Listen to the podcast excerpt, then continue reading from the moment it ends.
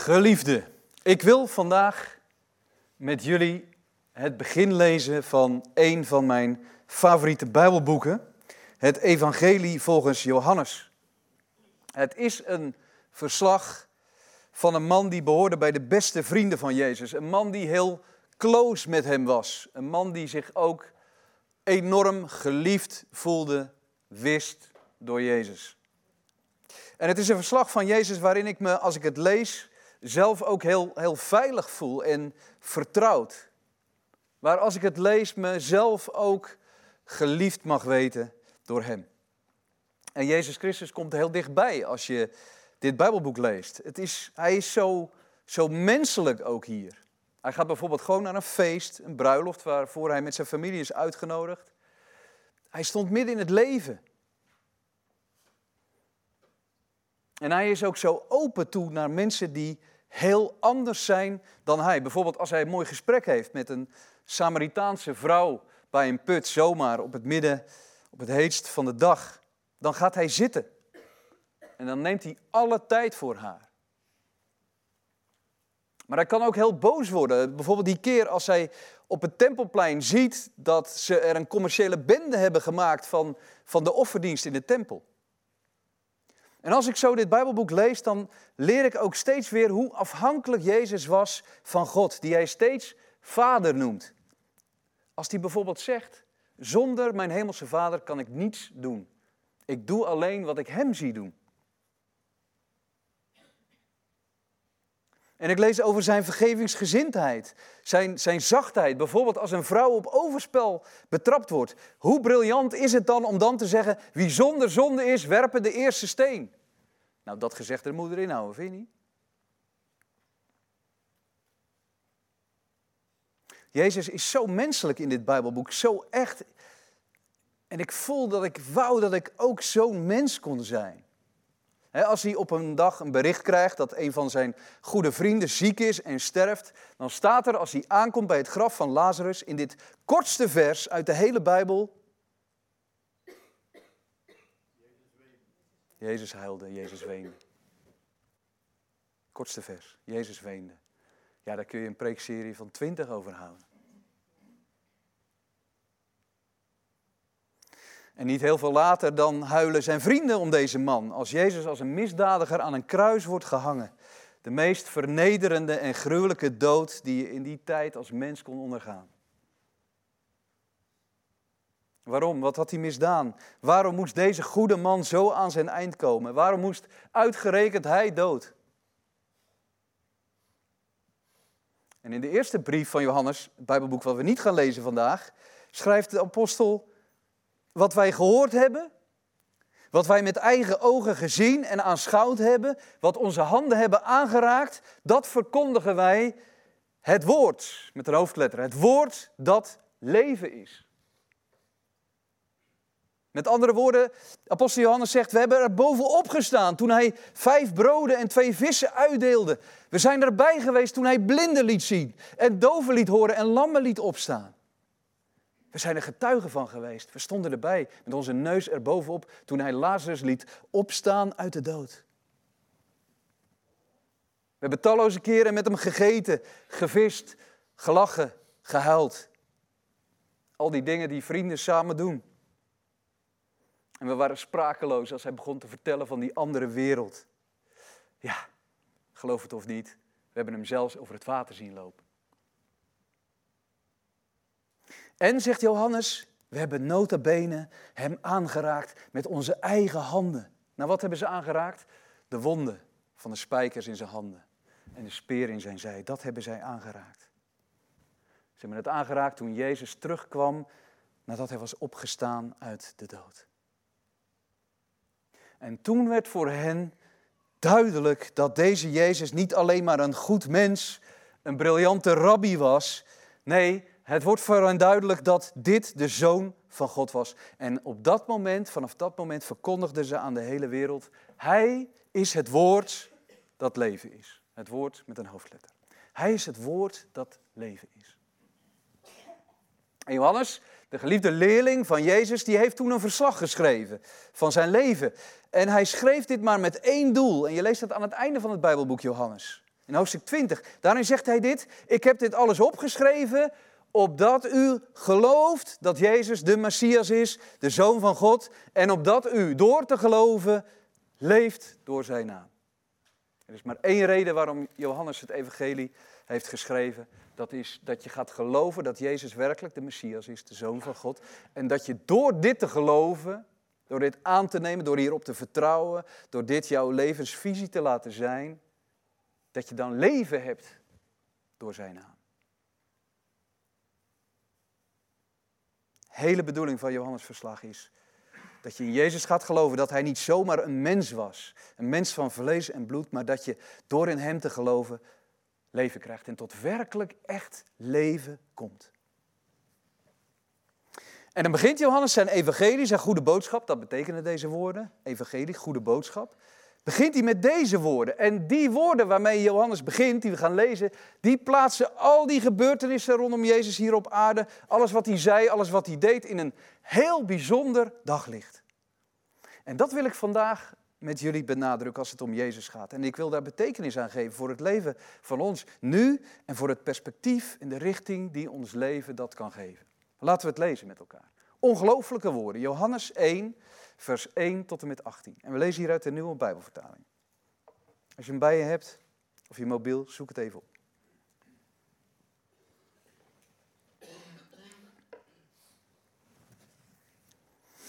Johannes schrijft hier dit. In het begin was het woord met een hoofdletter. Het woord was bij God en het woord was God. Het was in het begin bij God. Alles is erdoor ontstaan en zonder dit is niets ontstaan van wat bestaat. Ook niet jouw sterren, Marcel. Die niet van jou zijn, maar je snapt wat ik bedoel. In het woord, met een hoofdletter, was leven en het leven was het licht voor de mensen. En het licht schijnt in de duisternis en de duisternis heeft het niet in haar macht gekregen. Er kwam iemand die door God was gezonden. Hij heette Johannes, dat is een andere Johannes, Johannes de Doper. En hij kwam als getuige om van het licht te getuigen, opdat iedereen door hem zou geloven. Hij was niet zelf het licht, maar hij was er om te getuigen van het licht. Het ware licht dat ieder mens verlicht en naar de wereld kwam. Het woord, met een hoofdletter, was in de wereld. En de wereld is door hem ontstaan en toch kende de wereld hem niet. Hij kwam naar wat van hem was, maar wie van hem waren, hebben hem niet ontvangen.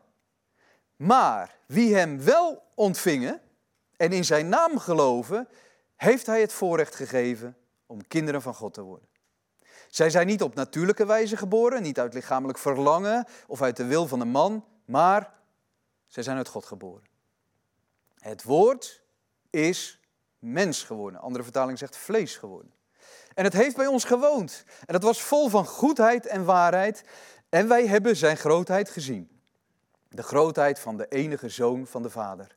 En van hem getuigde Johannes toen hij uitriep: Hij is het over wie ik zei: Die na mij komt, is meer dan ik, want hij was er voor mij. En uit zijn overvloed zijn wij alle met goedheid overstelpt. Want de wet is door Mozes gegeven, maar goedheid en waarheid, genade en waarheid, gesetwe en met in het Hebreeuws, zijn met Jezus Christus gekomen. Niemand heeft ooit God gezien, maar de enige zoon die zelf God is, die aan het hart van de Vader rust, heeft hem doen kennen. Tot zover.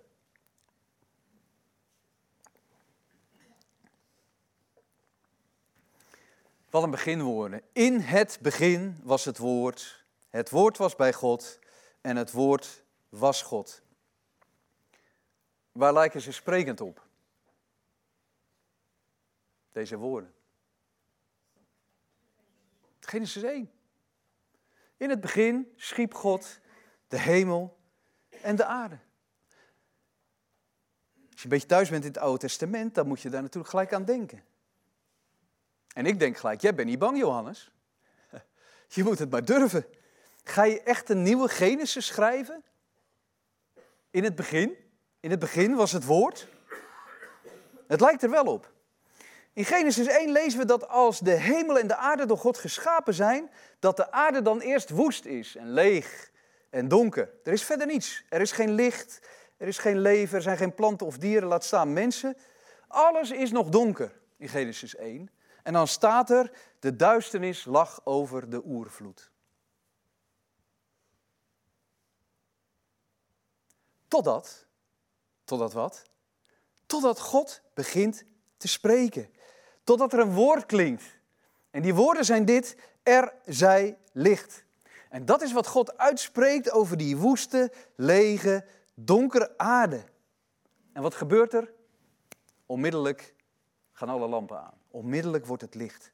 Want wat God zegt, dat doet hij ook. Woord en daad zijn bij God één. En je weet, als iemand begint te spreken, dan leer je iemand steeds beter kennen.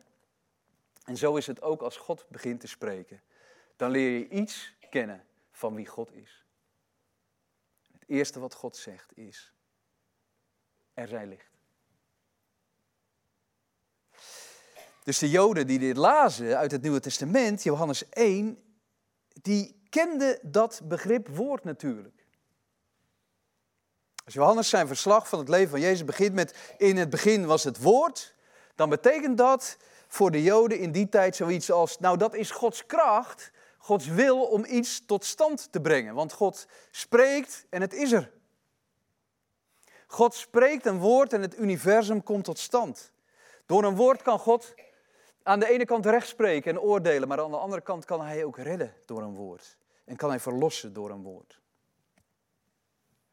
Voor de Joden was in het begin was het woord duidelijk wat dat betekende. Maar ook in de Grieks-Romeinse cultuur, waar Johannes ook voor schreef, was dit begrip woord, logos in het Grieks, ook een heel bekend begrip. Eigenlijk staat er dus in het begin was de logos. daar is het woord logisch van afgeleid in onze taal, of logica. En de Griekse filosofen, de Romeinse filosofen in die tijd, die waren altijd bezig met het nadenken over de logos, over het woord. In de zin van wat is de betekenis van het leven? Wat doen we hier? Wat is eigenlijk de logos van ons bestaan?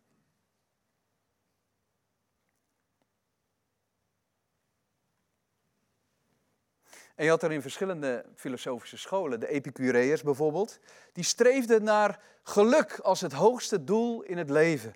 Het voorkomen van pijn en verdriet. Uh, zoiets als laten we eten en drinken en vrolijk zijn, want morgen sterven. Dat was een filosofische school. Wat is de logos van het bestaan? Streven naar zoveel mogelijk genot, geluk en het voorkomen van pijn en verdriet. herkenbare school ook in onze tijd. Je had een andere school, de Stoïcijnen, en die richtten zich heel erg op een praktisch en op een deugdzaam leven als de logos van het bestaan. Hoe moet je nou goed leven? Hoe moet je nou moreel leven? Hoe kun je je emoties sturen? Dat soort dingen. Dus je begrijpt, als Johannes dit schrijft, is dit zowel voor de Joden, in het begin was het woord, als voor de Grieken, de Romeinen, was dit een ontzettend belangrijk, maar meer nog zeer uitdagend begin van een verslag, van een evangelie. In het begin was de Logos. In het begin was de zin van het bestaan, de zin van het leven. En Johannes gaat verder en zegt, en het woord, de Logos, was bij God en het woord was God.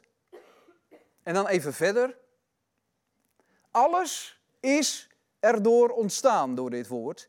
En zonder dit is niets ontstaan wat bestaat. Beetje theologie, hè? met andere woorden, de logos, de zin, de betekenis van het leven, dat was er altijd al. En dat was zelfs volop betrokken bij de schepping van alles wat er is in dit universum. Dat doet ons denken aan het idee dat dit universum er voor een reden is. Dat wij hier niet zomaar toevallig zijn, maar dat er een logos, een woord, een betekenis zit achter alles wat bestaat. En aan de ene kant, zegt Johannes dus, was deze logos bij God, dus onderscheiden van God. En tegelijkertijd was deze logos zelf ook God. En Johannes komt daarmee met een radicaal nieuwe filosofie, zou je kunnen zeggen, een nieuwe boodschap. Door te zeggen dat deze logos, de zin van het bestaan, zeggen we maar even, dat deze logos er altijd al was, voordat er iets was en dat deze Logos zelf God was. Enorm uitdagende nieuwe school die hier ontstaat, te midden van de cultuur van toen, maar ook van vandaag. Maar Johannes gaat nog verder. En dan zegt hij, dit woord, deze logos, die brengt licht in de duisternis. Die brengt leven waar dood is. Die brengt orde waar chaos is. En die logos die kwam naar deze wereld. Want in vers 14, als we een stukje overslaan, zegt hij dan, het woord is mens geworden. Het woord is vlees geworden en het heeft bij ons gewoond. Letterlijk staat er, het heeft onder ons getabernakeld. De Logos heeft zijn tent opgezet in ons midden en we hebben zijn grootheid gezien. Misschien begint het je als lezer, misschien lees je dit voor het eerst al te dagen en denk je, dit gaat over iemand. Dit woord, deze Logos, dat blijkt geen filosofie te zijn, geen goed idee te zijn. Het blijkt zelfs niet alleen een levensvisie te zijn, maar Johannes zegt, het woord is mens geworden. En Johannes de Doper heeft ervan getuigd en die zei, hij is het. De logos, het woord, is Jezus zelf. Hij is het eeuwige woord. Hij is de logos. De logos is een levende persoon. Are you with me? Volg je het nog? Ga een stukje verder. Als God spreekt, als God handelt, dan doet hij dat ultiem door de Logos, door Jezus Christus. er staat, uh, daar komen we straks op, maar God gaf in het Oude Testament zijn wet. Weet je nog, de tien woorden, de tien regels van leven op de berg Sinaï. Die gaf hij via Mozes, vers 17. De wet is door Mozes gekomen. De woorden hoe je goed kunt leven zijn door Mozes gekomen. En nu zegt Johannes, maar God laat zijn goedheid en zijn waarheid, zijn genade en zijn waarheid, ultiem zien door zijn zoon Jezus Christus. Zie je wat een vervulling dat is van dat woord, van die tien woorden daar ver weg op de berg Sinaï. En nu het woord wat een lichaam aanneemt, wat mens wordt. Jezus Christus is de Logos, het woord. En zo wil Johannes zijn perspectief, zijn verslag beginnen vanuit de visie van de hemel, van bovenaf, vanuit het perspectief van God. En als je zomaar, daarom ben ik daar ook mee begonnen, als je zomaar een gedeelte opslaat in het Bijbelboek Johannes en je leest over hoe Jezus met zijn vrienden eet, of hoe hij huilt of hoe hij boos wordt, ik heb een paar voorbeelden genoemd, hoe hij spreekt, hoe hij luistert, dan moet je tegelijkertijd weten, zegt Johannes, deze mens, deze mens die huilt, die lijdt, die boos wordt, die eenzaam is, die verdriet kent, die pijn kent. Deze mens is tegelijkertijd de goddelijke logos. In het begin was het woord. In het begin was hij al. En het woord was bij God en het woord was God. De logos is Jezus. De zin van het bestaan is geen theorie, het is geen filosofie, het is een persoon en het is te vinden in Hem. Hij is het licht, Hij is het leven. En als je zin zoekt in je leven, wie zoekt dat niet tegenwoordig? Als je het ware leven wilt vinden, dan moet je je tot Jezus keren. Zie je hoe Johannes hier een woord, een, een bijzonder woord uit die tijd gebruikt om aan te tonen dat Jezus dat zelf is? Johannes laat in de eerste verse van dit evangelie zien dat Jezus zowel God als mens is. Het woord was God, maar het woord is ook mens geworden. En door Jezus kunnen we Gods goedheid en waarheid leren kennen. Kunnen we ontdekken wie God is en wat de reden is van jou en mijn bestaan. Oké, helder? En nu de hamvraag. Waarom? Dat is de belangrijkste vraag voor vanmorgen. Waarom spreekt Johannes dan hier van een nieuwe Genesis? Een totaal nieuw begin. De tweede Genesis, de tweede in het begin in de Bijbel. Hij spreekt daar hier over omdat de wereldgeschiedenis een compleet nieuwe wending heeft gekregen toen deze logos, waardoor de wereld is ontstaan, naar diezelfde wereld kwam. Het woord is mens geworden, het heeft onder ons getabernakeld, zegt Johannes. Na de eerste Genesis, toen God de wereld maakte en licht in de duisternis bracht, heeft de mensheid iets ongelooflijks gedaan. De mensheid heeft ervoor gekozen om zich te vervreemden van God en zich te laten leiden door de duistere krachten die uit alle en hoeken en gaten tevoorschijn kwamen. En sinds die tijd, zegt de Bijbel, leidt de mensheid onder die keuze. En we weten allemaal hoe dat voelt en we weten allemaal wat er dan gebeurt. Wat er gebeurt is dat er een vervreemding, een verwijdering ontstaat tussen onze schepper en ons mensen. En dat heeft ertoe geleid dat al onze relaties voortdurend onder druk staan of zelfs kapot gaan. Relaties met je vrienden, met je partner, met je kinderen, met je broer of met je zus, met je ouders, met je buren, met je collega's, met je dokter, met je vrienden op social media, met je baas of met je werknemers, met je dominee, met je leefwereld, met je regering. En ga zo maar door. Je bent een geluksvogel als je met niemand ruzie hebt. Maar je ziet het om je heen dat relaties voortdurend onder druk staan. Broers of zussen staan tegen elkaar op, ouders tegen hun kinderen en andersom. Landen staan tegen elkaar op en de wereld staat op tegen God.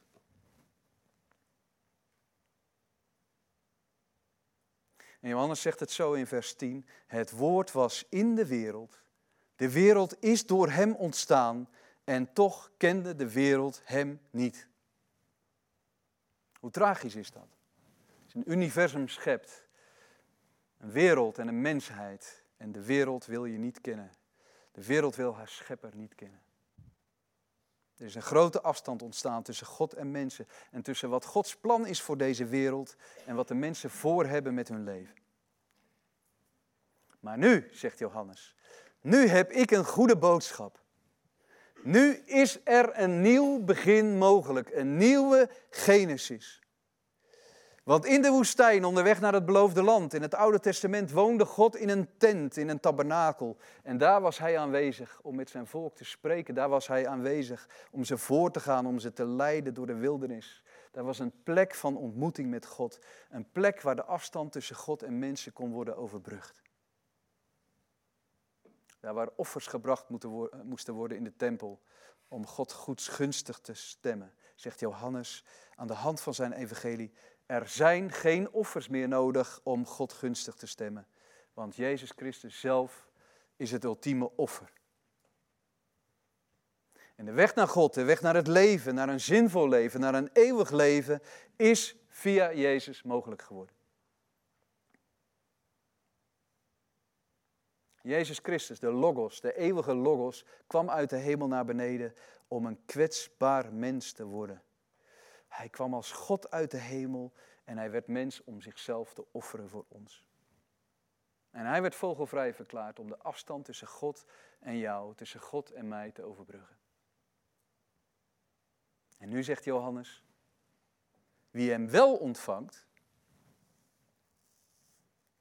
wie hem wel ontvangt en in zijn naam gelooft en in wat hij deed voor ons, heeft hij het voorrecht, je zou kunnen zeggen het recht of de vergunning gegeven om een kind van God te worden.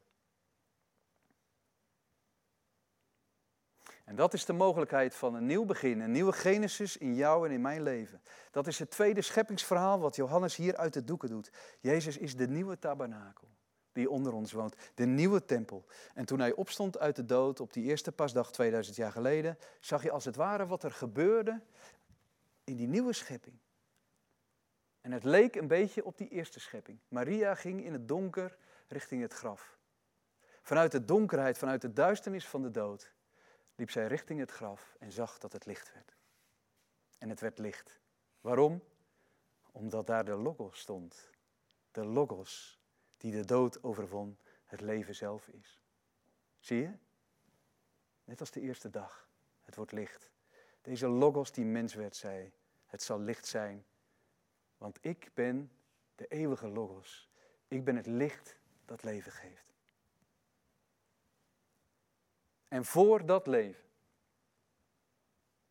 voor dat leven, zegt Johannes, daartoe zijn wij uitgenodigd om daar deel aan te hebben. En als je ervaart dat God ook in jouw leven een nieuw begin wil maken, dan ben je uitgenodigd om Hem in je leven te ontvangen. Als de eeuwige Logos, de God die mens werd. Laten we bidden.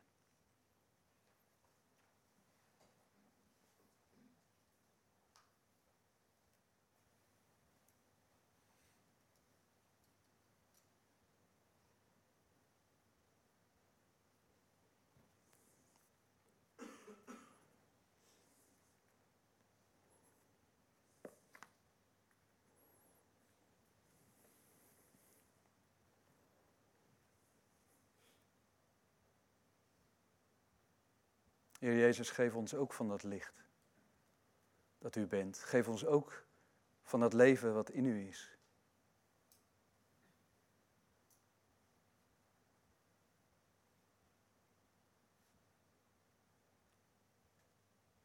Heer, als het nodig is in ons leven, maak ook dat nieuwe begin. Erkennen u als God.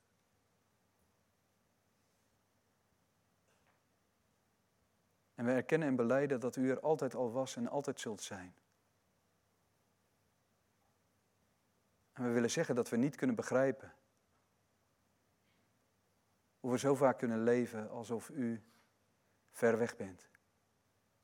Alsof u slechts een idee bent. Alsof u slechts een mens bent die inspireert. Heer, u bent God en wij behoren u toe. U heeft ons, als wij u ontvangen, het voorrecht gegeven om kinderen van u genoemd te worden.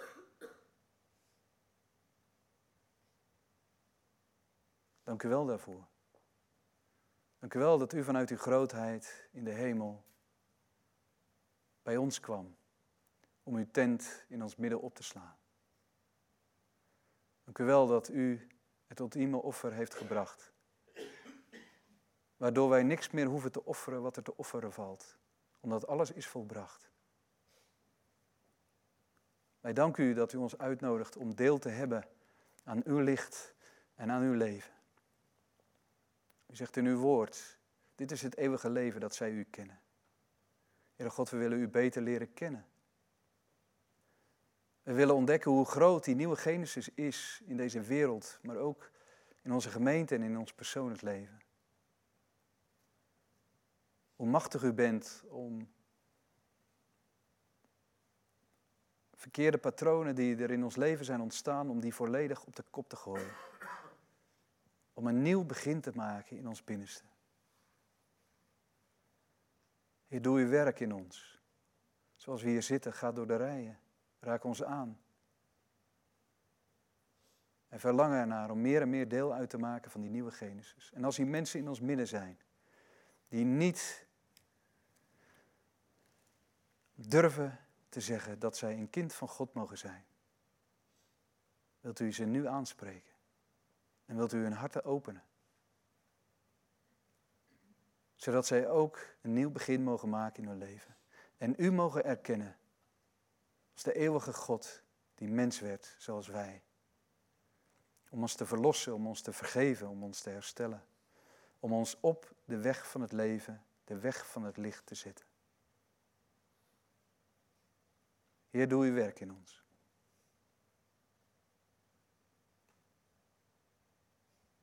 Spreek tot ons hart. Vernieuw ons binnenste.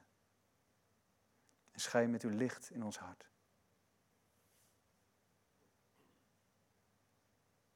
Ik dank u voor uw woord. Uw woord wat vaak zo moeilijk en ingewikkeld is. Maar uw woord wat ook zo diep en rijk is. En mooi. Waarin zoveel dingen staan die toch eenvoudig aan te nemen zijn. Zoals dit woord vanmorgen.